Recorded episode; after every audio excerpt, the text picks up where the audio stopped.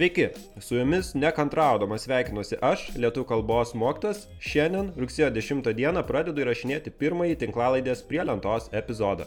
Ateityje, kaip turbūt jau skaitėte, 45 minučių trukmės laidose prie lentos atsakinėti kviestų švietimo, kultūros, meno, politikos ir kitus veikėjus, o šį kartą e, savo darbo kambaryje, norėjau sakyti studijoje, e, esu vienas pasiruošęs plačiau papasakoti, kokia šios tinklalaidės idėja, kas ir kaip jos galės klausytis, pristatysiu jau įsibėgėjantį lietuvių kalbos mokyto Patreon projektą bei paaiškinsiu, kam jis bus įdomus ir naudingas.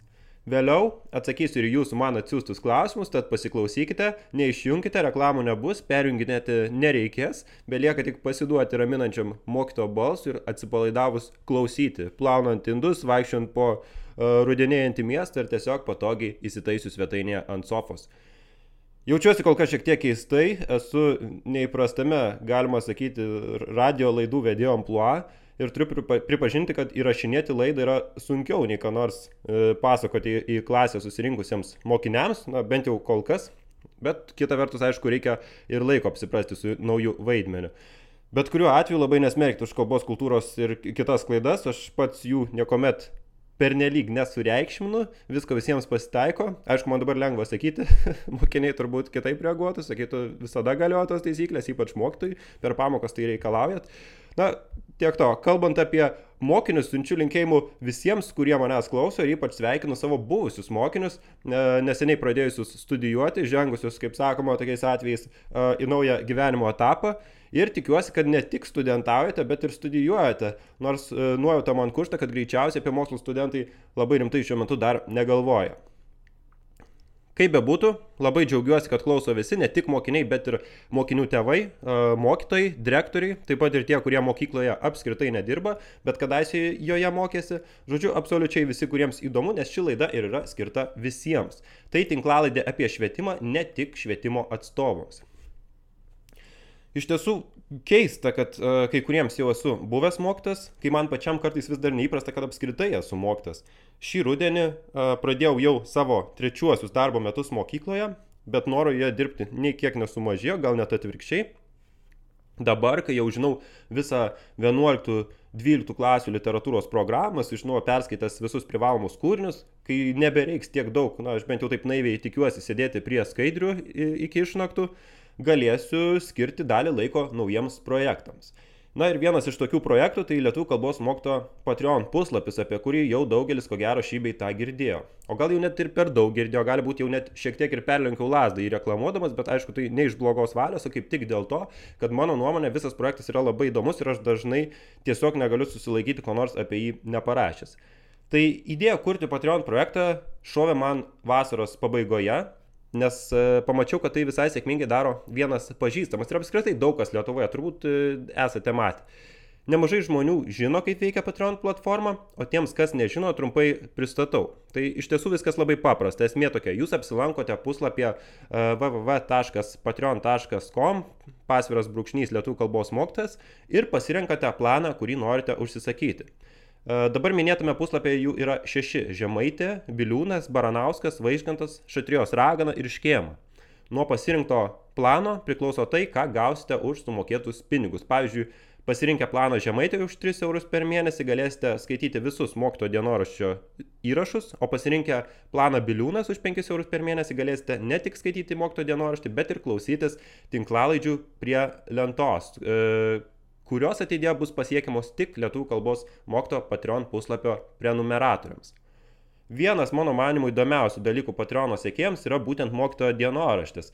Jame iškart paskui neminu jokių, neminu jokių konkrečių detalių, rašau anonimiškai, kad tekstas būtų labiau apibendrintas ir na, su juo galėtų susitapatinti kiekvienas švietimo sistemos dalyvis. Ir mokinys, ir jo tėvai, ir mokytojai, ir visi kiti, kurie kad nors apskritai sėdėjo mokyklos suolė. Mano tikslas ne kažkokią konkrečią mokyklą pavaizduoti, bet kuo įtaigiau aprašyti ne per seniausiai, tai yra prieš daug maž dviejus metus, mokykloje dirbti pradėjusio mokytojo pasaulį, tai yra jo vertybės, mokymo viziją, metodus, pastangas, iššūkius, kasdienybę. Su tuo, apie ką rašau, susiduria ko gero visi pedagogai visose Lietuvos mokyklose, todėl ir dienoraščio pasuktos galėtų būti bet kuris savo darbui atsidavęs švietimo sistemos specialistas. Labai tikiuosi, kad rašydamas dienoraštį aš populiarinu šiandien mūsų šalyje, sakyčiau, krizę iš tiesų išgyvenančią pedagogo profesiją, na ir greunu kai kuriuos stereotipus. Vakar beje savo dvyliktokų paklausiau, ar atsiras iš jų bent vienas, kuris norės ateityje studijuoti pedagogiką ir be galo nustebau, kai pakilo trys rankos, sakė, kad gal visai ir įmanoma, kad čia ir mano šiokios tokios įtakos yra, tai be abejo labai džiaugiausi ir tikiuosi, kad šitos laidos ir mokyto dienoraštis paskatins ir kitus jaunus perspektyvius žmonės mąstyti apie darbą mokykloje. Socialiniuose tinkluose ir keliose portaluose jūs jau galėjote matyti keletą mokytojo dienoraščio ištraukų, jomis ganėtinai noriai dalinasi e, Lietuvos žiniasklaidos portalai, bet visus įrašus skaityti gali tik Lietuvų kalbos mokytojo Patreon puslapio prenumeratoriai. Kol kas jau yra trys mokytojo dienoraščio įrašai, o nuo šiol juos talpinsiu kiekvieną šeštadienį arba sekmadienį, taigi keturis, na gal kartais e, tris kartus per mėnesį. Labai svarbu tai, kad prenumeruodami mokytojo dienoraštį pasirinkę bent jau planą žemaitę, jūs remiate tinklalaidės prie lentos kūrimą.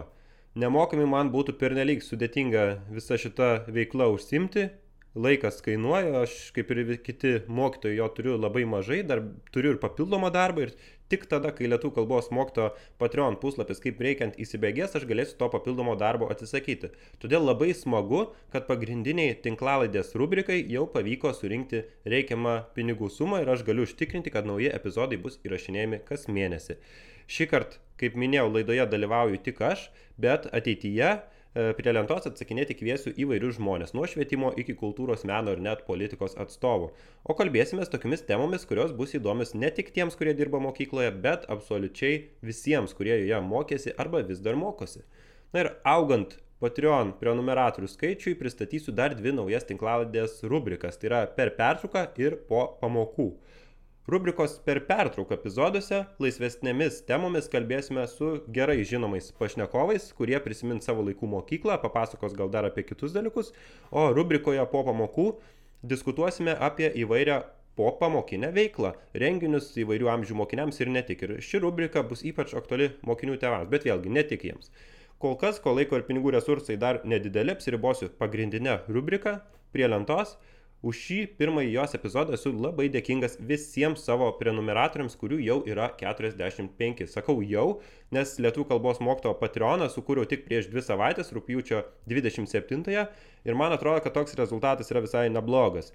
Ypač dėkoju patiems pirmiesiems prenumeratoriams, kurie prisijungė dar tada, kai puslapyje nebuvo nei vieno mokytojo dienoraščio įrašo, apskritai nieko, tik pristatymas. Tai labai ačiū Evaldui, kuris buvo pirmasis prenumeratorius apskritai, ačiū Židrūniai, Agniai, Evelinai, Viktorijai, Giedriai, ačiū Loretai, Linai, Daliui, Kristinai, Ritai, Rasai, kitai Agniai, Daivai, Astai ir visiems naujiems pastarosiomis dienomis prisijungusiems prenumeratoriams, nepykit visų jau nebeišvardinsiu, nuoširdžiausius linkėjimus siunčiu Simonui Gustainiui, pasirinkusiam planą Vaižgantas ir Aušrai Mudenaitai, pasirinkusiai planą Šatrios Ragana. Ačiū, kad taip svariai prisidedate prie mano projektų, kurie tikiu po truputį keičia ir Lietuvos švietimo sistemos veidą ir požiūrį mokytojus, mokytojo profesiją. Labai malonu paminėti ir partnerius bei draugus. Tai Tabula Rasa LT, labai patogi turinio dalymosi platforma visų dalykų mokytojams. Jeigu klauso mokytojai, rekomenduoju išbandyti. Ir audioteka. Audiotekos puslapyje audioteka.lt rasite daug įdomių audio knygų lietuvių kalba. Irgi būtinai pasižvalgykite. Beje, lietuvių kalbos mokyto Facebook puslapyje iki rugsėjo 15 dienos vyksta konkursas, kuriame net 5 žmonės laimės pasirinktą audio knygą, o mano Patreon puslapyje yra e, aktyvi dar, dar kita akcija. Tai nemokama audio knygą gaus kiekvienas plano Baranauskas arba brangesnio prenumeratorius. Tad kviečiu dalyvauti konkurse, o dar labiau tapti prenumeratoriais, nes tik jūsų dėka galiu vykdyti šį projektą, tik jūs finansuojate tikrąją to žodžio prasme tiek mokytojo dienoraščio rašymą, tiek tinklalaidės prie lentos įrašinėjimą, na ir tiek visa kita, kas paminėta Patreone. Jei dar nesilankėte, keliaukite į puslapį patreon.com, pasviras brūkšnys lietuvių kalbos mokytas ir uh, pasižvalgykite atidžiau. Aktyvių nuorodų beje rasite ir lietuvių kalbos mokytojo Facebook'e patalpintose įrašuose. Na, dabar papasakos apie visus formalumus, galiu perėti prie įdomiosios tinklalaidės dalies jūsų klausimų.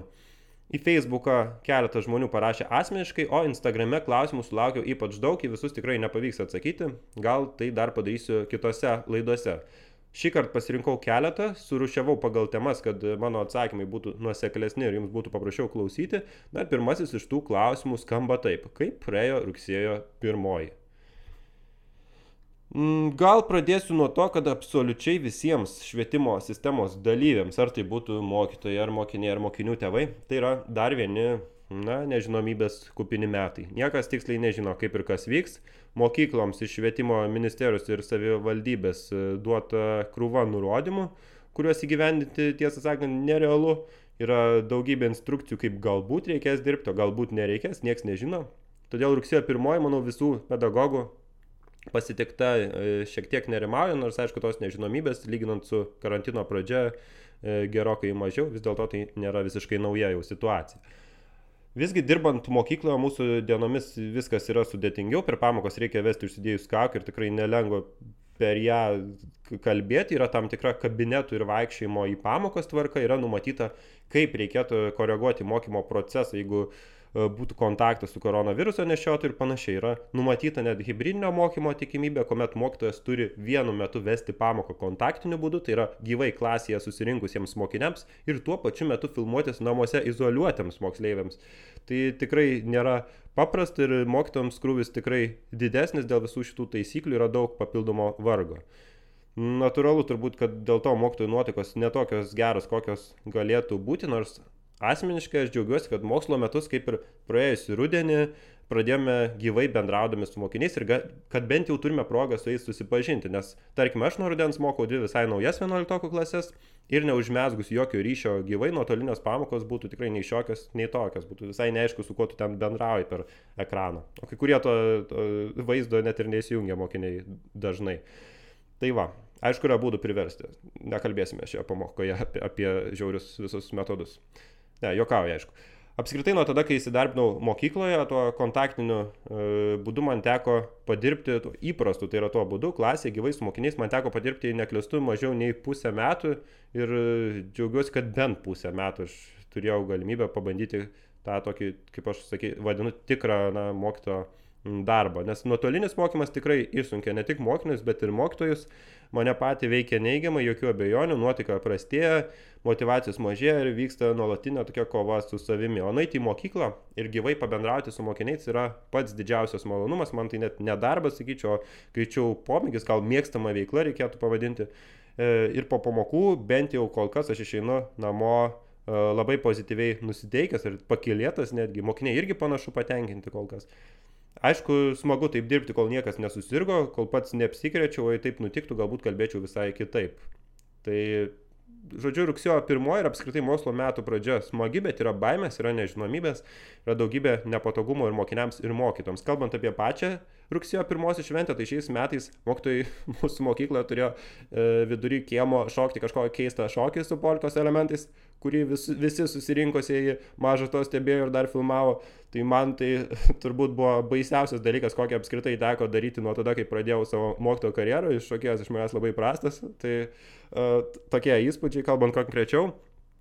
Uh, kas dar man įstrigo iš pačios šventės galvoju, tai uh, su viena kolege kalbėjome, tarkime, apie gėlės ir minėjo, kad turėjo kolega, rodos fizikos mokytojo, kuris niekuomet e, na, nenorėdavo priimti gėlių ir atiduodavo visas moteriams, o man kaip tik labai smagu tų gėlių gauti, aš jas pasimerkiu namuose ir tik neseniai didesnį jų e, dalį teko išmesti, bet šiaip labai smagu tų gėlių man gauti. Yra. Tai va, na ir dar vienas dalykas e, šiais metais man neįprastas, mokykloje nebebuvo, nebėra mokinių, kuriuos dviejus metus mokiau ir prie kurių buvau prisirišęs mano pirmosios dvyliktokų laidos. Bet gera žinia kad juos pakeitė buvę vienuoliktokai, kuriuos jau pamilau, ir nauji vienuoliktokai, kuriuos taip pat niekiek nebejoju labai greitai pamilsiu, nors daugelis jų dar labai nedrasus, dar aišku, reikia laiko juos prisijaukinti, reikia pažinti vieniems kitus. Todėl aš, na, nudžiugau, kai viena dvyliktokė vakar priejo prie manęs per pertrauką ir pasakė, kai ką, kas, na, iš tiesų privertė nusišypsoti. Sako, mokytau, girdėjau tolete merginas kalbant apie jūs, aš išsigandau iš karto, galvoju, jau bus kas nors negeras. Sakau, ką girdėjai? Sako, girdėjau, kaip kažkas kalbėjo, kad lietų kalbos mokytas ten fainas ir čia kabutės reiktų pasakyti, e, kad jau keičia požiūrį lietų kalbos pamokas, kad dabar nori mokytis ir panašiai e, mokiniai. Tai va, buvo labai miela, supratau, kad jau judama teigiamą linkme, nepaisant to, kad ir spėjau pripasakoti visiems, kiek turės dirbti ir kai paklausiau naujų mokinių, ar jums atrodo, kad per lietų kalbos pamokas dirbti reikės daugiau nei iki šiol, tai visi iki vieno mokiniai pakėlė rankas. Na, bet tikiuosi dar visiškai neišgazinau jų. E, daug galėčiau iš tiesų pasakoti apie mokslo metų pradžią, bet tuomet visai neliks laiko kitiems klausimams. Jeigu jūs norite daugiau apie visą tai sužinoti, prenumeruokite Lietuvių kalbos mokyto Patreon puslapį ir skaitykite mokyto dienoraštį kiekvieną savaitę. Greitų metų pasirodys būtent ir keletas įrašų apie tai, kaip mokykloje prasidėjo visi darbai, na, kaip prasidėjo vasaros pabaigoje ir kaip tęsiasi iki dabar. Kiekvieną savaitę e, ką nors naujo perskaitysite. Kitas klausimas iš mano buvusios pedagogikos studijų kursiokės. E, kursiokė iš tiesų galima vadinti šnekamojo kalboje. E, kursiokė ta mano dirba mokykloje matematikos mokytoja. Kaip tu visur suspėjai, klausė. Atsakymas - nesuspėju. kai, kai dirbi mokytojo laiko, nieko met nėra. Uh, dirbdamas mokytoju visuomet privalai turėti ir tą papildomą darbą, kurį jau minėjau, nes atlyginimas niekam nepaslaptis mažas. E, aš irgi dirbau papildomai, užsimau tam tikrais komunikacijos ir reklamos projektais kaip individualiai samdomas specialistas. Aišku, tiek, kiek ten papildomai dirbu, lyginant su darbu mokykla, yra vienas juokas ir tiek lašas jūra iš tiesų. Bet vis tiek tai kainuoja jėgų, o dar kai pradėjau tą Patreon projektą, laiko iš vis nebelieka. Tai tikiuosi, kad per ateinančius porą mėnesių Patreon prenumeratorių skaičius tiek išaus, kad bent to papildomo darbo aš, kaip minėjau, galėsiu atsisakyti. Bent jau na, toks mano planas. O bendrai kalbant, kalbant, tai yra daug būdų, kaip paprasčiau ir greičiau užsidirbti nei Patreon'e, bet man tai paprasčiausiai kur kas įdomesnė veikla, nei tarkime mokyti vaikus papildomai, tai yra dirbti korepetitoriumi.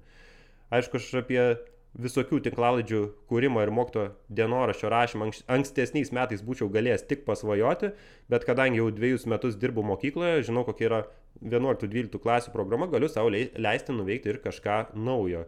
E, šis mano sumanimas kainuoja daug jėgų, tol nuoširdžiai dar kartą dėkoju tiems, kurie prenumeruoja, palaiko visomis prasmėmis, domisi, pagiria. Laisvalaikio, aišku, norėtųsi daugiau, norėčiau perskaityti kokią nors knygą dėl savęs, bet jau esu susitaikęs, kad nuo rudens iki vasaros atostogų tokių progų nepasitaikys turbūt. Ką padarysiu, tenka atsigriepti vasarą, šią tarkime įveikiau 10 knygų, tačiau to irgi neužtenka, per metus dabar tikrai neperskaitau tiek knygų, kiek mano manimu turėtų perskaityti lietuvių kalbos mokytos. Ne, nežinau, reikės kažkaip mokytis dar atrasti daugiau laiko savo, tai irgi e, labai svarbus dalykas, kai dirbi mokykloje. Nu, dar kalbant apie darbą, tai vienas komentatorius Facebook'e e, prieš kurį laiko pasidalino anegdotu, kuris skamba taip. Kiek uždirba mokytas Lietuvoje, priklauso nuo to, kuo dar papildomai dirba. Kitas klausimas, kokias studijas baigėt, klausė Austė. E, baigiau lietuvių kalbos filologijos studijas Austė, e, nors ne iš karto jas pasirinkau. Perstojau iš teisės fakulteto po dviejų metų mokymosi, na bet niekuomet nesigailėjau dėl tokio sprendimo. Studijos buvo labai įdomios, na ir tos grožinės literatūros tekstus skaityti man patiko tikrai kur kas labiau negu kodeksus, nors aišku, kiekvienam savo. Paskui turėjau dar metus pastudijuoti pedagogikos papildomai ir gyti teisę dirbti mokytojo, tai buvau pasirinkęs tokias laipsnio nesuteikiančias pedagogikos studijas, laipsnio nesuteikiančias, bet suteikiančias popieriuką, ant kurio parašyta, kad galiu dirbti mokytoju. Prieš tai dar esu studijavęs magistrantūros programoje Vilniaus universitete, vadinosi intermed, intermedialios literatūros studijos. Tikrai labai prastos, niekam nerekomenduoju. Beveik pusė mūsų kurso jas metė arba sustabdė, aš taip pat. Mm, apskritai manau, kad bakalauro įgyti Lietuvoje dažnu atveju, atveju verto, o magistro laipsnį tikrai ne, nes magistrantūros studijų kokybė mūsų šalyje yra apgailėtina dažnai ir tai patvirtintų daugelis žmonių, kurie tai patyrė savo kailiu. E, žodžiu, mokiausi ilgai ir ne visuomet tikslingai, tačiau visi pasirinkimai atvedė mane ten, kur norėčiau būti, į mokyklą. Ir esu lai, labai laimingas, kad viskas taip susiklostė, nes tiesiog nebeįsivaizduoju savęs dirbančio kur nors kitur, visiškai neįsivaizduoju, nežinau, pulčiau į depresiją turbūt, jeigu tokios galimybės dėl kokių nors priežasčių netekčiau. Na, o būsimiems ir esamiems studentams moralas toks, jeigu kur nors įstojate ir jaučiate, kad esate ne savo vietoje, nebijokite perstoti, jei reikia ir ne vieną kartą, pasipriešinkite pasipriešinkit tėvams ir aplinkiniams, jei bando jūs perkalbėti ir spręskite dėl savo ateities patys. Kai aš norėjau mesti man labai nepatikusias studijas palaikymų iš artimųjų, patikėkite, nesulaukiau.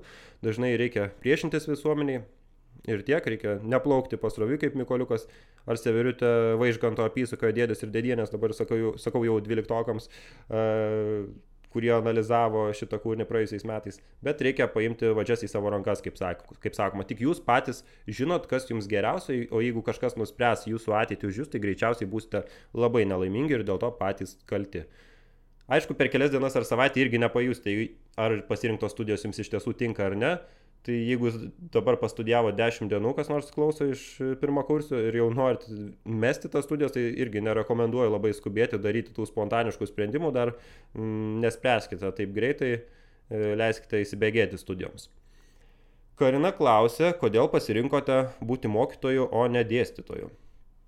Na tai viena priežastis jau kaip ir nuskambėjo, ta prasta studijų kokybė daug nekomentuojat. E, bet svarbiausia, kad dirbant su mokiniais egzistuoja na, visai kitoks santykis nei dirbant su studentais. Su mokiniais yra daugiau tokio paprasto, atviro, e, nuoširdaus bendravimo. Mokinių dažniausiai mažiau nei studentų, gali juos geriau pažinti. O universitete dažniausiai dėstai kokį nors dalyką vos pusmetį, studentų irgi tiek daug, kad daugeliu jų vardų profesoriai net nebando atsiminti. Taigi ta darbo specifika visai kitokia. Ir apskritai man turbūt labiausiai patinka tai, kad mokiniai dar nėra tiek susiformavusios asmenybės, kaip studentai gali juos lengviau pakreipti reikiamą linkme, kai kurie nebijau pasakyti, dar nėra visiškai sugadinti žmonės. Na, galop mokykla man tiesiog jaukiau atrodo, o universitete dažnai vyroja tam tikras individualizmas. Tiek trumpai būtų. Kitas klausimas skamba taip, kas kelionėje po Lietuvą įsiminė labiausiai? Na, apie mano kelionę turbūt jau visi girdėjo, tad labai neišsiplėsiu. Šią vasarą apkeliavome visą Lietuvą. Per kiek daugiau nei dvi savaitės. Iš viso nuvažiavome apie 3,5 tūkstančio kilometrų, aplankėme daugiau nei 50 miestų, miestelių ir kaimų, pamatėme daugybę kultūrinių ir gamtos objektų, kasdien nueidavome daugmaž po 20 tūkstančių žingsnių, visko pamatyta labai daug, nusteptumėt sužinoję, kokių vietų yra Lietuvoje, nuo pelkės pavadinimų Meško šikna iki Minareto kedainiuose. Jei įdomu ir dar nematėte, mano Instagrame lietuvių kalbos mokytas yra visos šios vasaros kelionės po Lietuvą dienoraštis, iš viso beveik 300 istorijų su komentarais, testiniais klausimais ir taip toliau. O mano Patreono prenumeratoriai yra prenumeratoriai ras dar išsamesnį straipsnį su 10 man didžiausią įspūdį uh, palikusių objektų. Tai iš tiesų tas sąrašas turėtų būti dar ilgesnis, nes beveik viskas, ką mačiau, man labai patiko, bet jei visgi reikėtų išskirti labiausiai įsiminusi objektą, tai greičiausiai būtų um, Užvenčio dvaras ir netoliese esantis Šatrijos kalnas. Kalbėdamas su savo mokiniais e, jokauju, kad turbūt virstu tipišku lietuvių kalbos mokytoju, nes su didžiuliu malonumu lankau mūsų rašytojo gimtinės ir susijusias vietas. Na ir jeigu atvirai kalbant, tai jei nedirbčiau mokykloje, neanalizuočiau visų tų privalomų kūrinių, jei nebūčiau, nes nei e, visų iš jų iš naujo perskaitęs, tai tikrai nebūčiau sugalvojęs keliauti ir į tą užvenčio dvarą, bet dabar patyriau tiesiog, na, milžinišką malonumą, nepagražindamas, sakau, tenai apsilankydamas. Užvenčio dvare, jeigu nežinote, e, kadaise gyveno Šatrijos ragana 11 pamokų metu analizuojamos apysakos sename dvare autorė.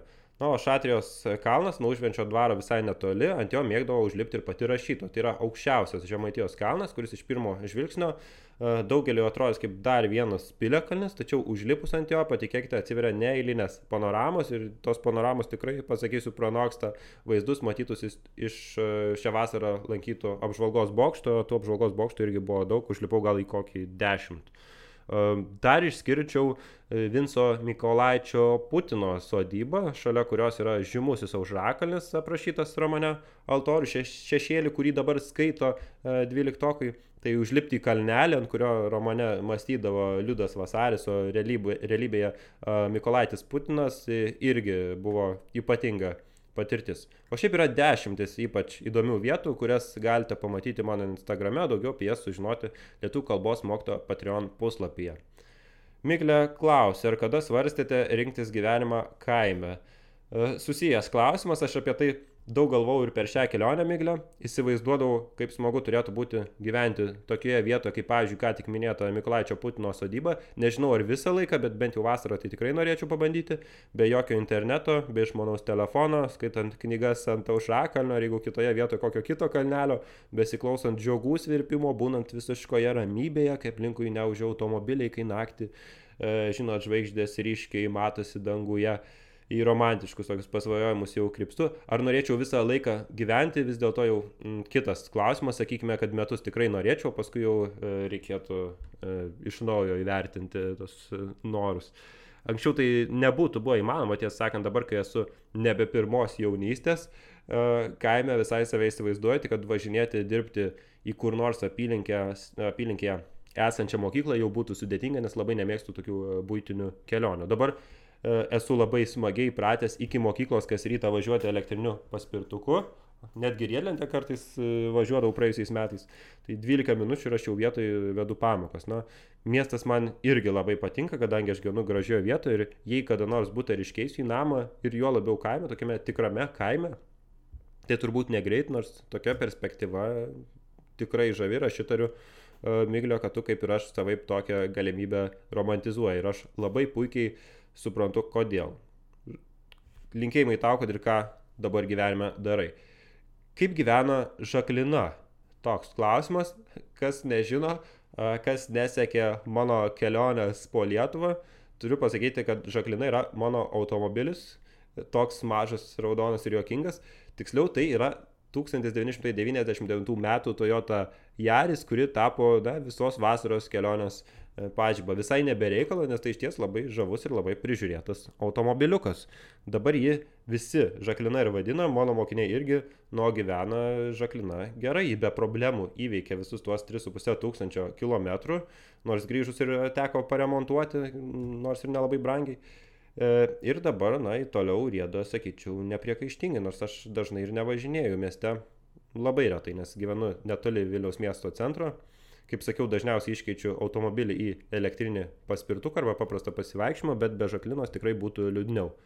Mokiniai ir net e, kolegės mokytos klausia, kaip sugalvojau žaklinai tokį vardą, tai iš tiesų jokios ypatingos istorijos nėra. Pavadinau taip juokais ir vardas e, tiesiog prilipo, žinot, kaip būna kartais. Tai paskui vienas žmogus man priminė, kad Žaklina buvo iš tiesų Junktinio Amerikos valstijų prezidento Džono Kennedžio žmona. Na, apskritai, už Žakliną esu labai dėkinga savo tetai, nes nebenaudojama automobilį man tiesiog padovanojo. Be to labai gerai išlaikyta, nei kiek nesurūdyjusi, e, žiemą stovėjusi garaže. E, įsivaizduokit, 99 metų automobilis, bet techninę apžiūrą praėjo iš pirmo karto. Tai labai tikiuosi, kad dar dviejus metus Žaklina tikrai važinėsiu ir gal net leisiuosi į naują kelionę ir gal net ne po Lietuvą, kas žino. Kokia skaityta knyga įsiminė labiausiai, klausia Aistė. Aistė, turiu daug patikusių knygų, bet labiau mėgstu išvardinti ne knygas, o autorius, kurie man patinka. Tai pirmiausiai be abejo yra Dostojevskis, turbūt, e, nežinau, mano, jeigu ir ne pats mėgstamiausias autorius, tai manau, mano manimu tikrai talentingiausias toks visų laikų rašytojas, kokį man teko skaityti. E, tuomet Markesas, e, paminėčiau Gombrovičių, Faulknerį, Kerouaką, Selengerį, Kunderą, Hemingvėjų iš mokyklinių Kamių, Kafka, Katiliški, e, Vinsą Mikolaitį Putiną. Mokykloje, kaip ir daugelį, e, mane labai nustebino Škėmos romanas Balta drobulė.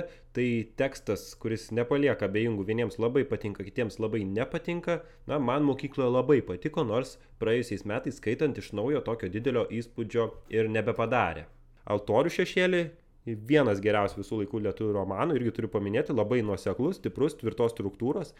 Uh, toliau knyga, kuri mane turbūt nustebino labiausiai gyvenime, irgi pirmą kartą perskaityta mokykloje, tai yra Gombrovičiaus kosmosas.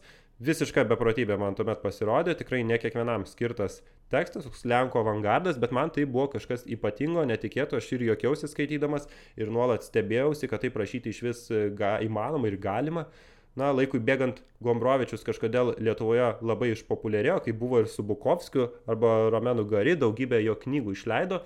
O tada, kai skaičiau, tai buvo dar daugeliu lietuvių visiškai nežinoma pavardė.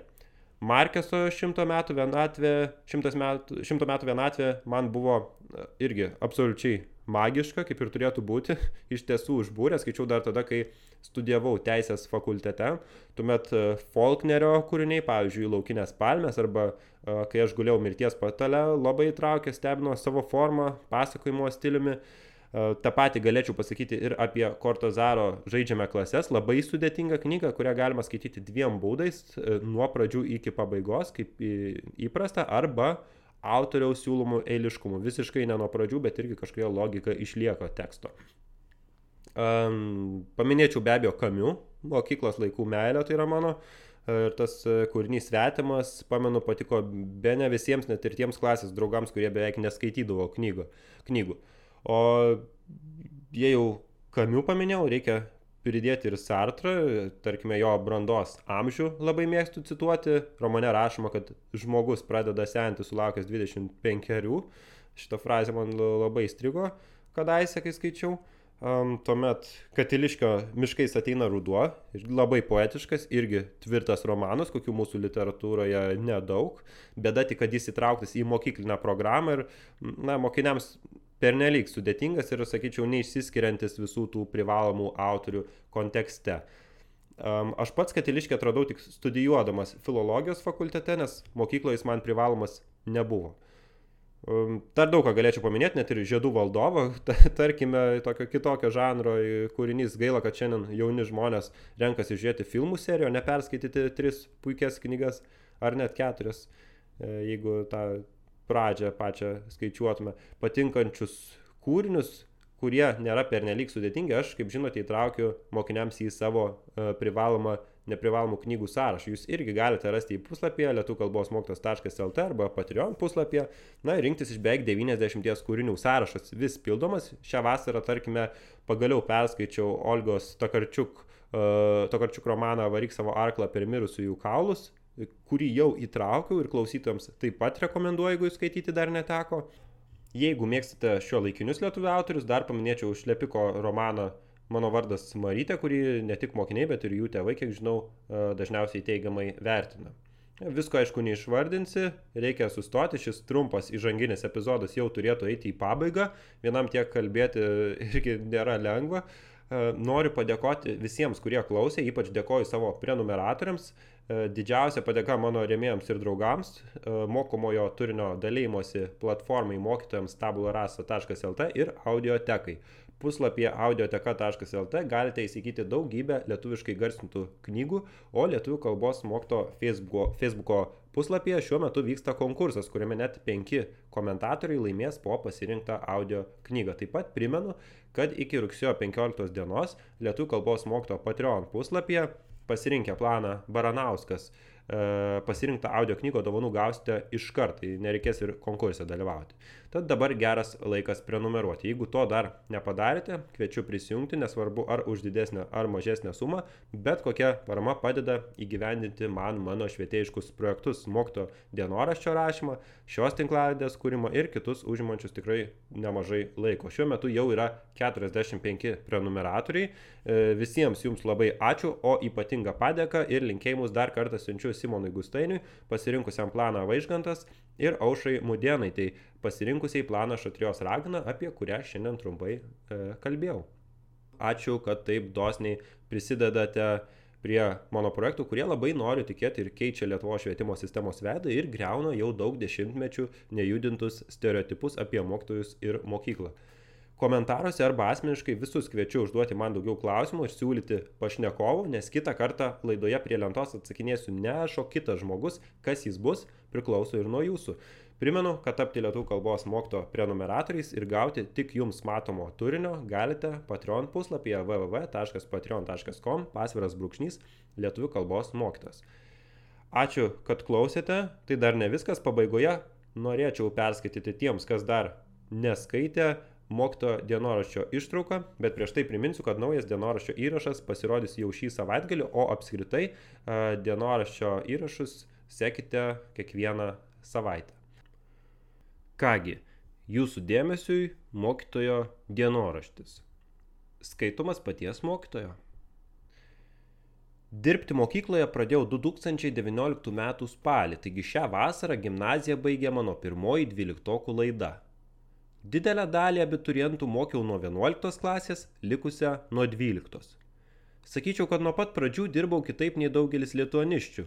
Mano mokiniai turėjo ne tik analizuoti privalomų autorių kūrybą, bet ir kas mėnesį perskaityti po pasirinktą papildomą knygą, taip pat žiūrėti gerus filmus, rengti išsamius konspektus, rašyti beveik dvigubai daugiau rašinių ir taip toliau. Mes nevengdavome nei pakalbėti apie gyvenimą, kartais net ištisas pamokas, nei pasijuokti, tačiau visi žinojo, kad mokymas ir mokymasis man ne kažkoks atmestinas užsiemimas, kad visuomet visus vertinu vienodai griežtai, o iš kiekvieno reikalauju daugiau nei tuo metu sugeba.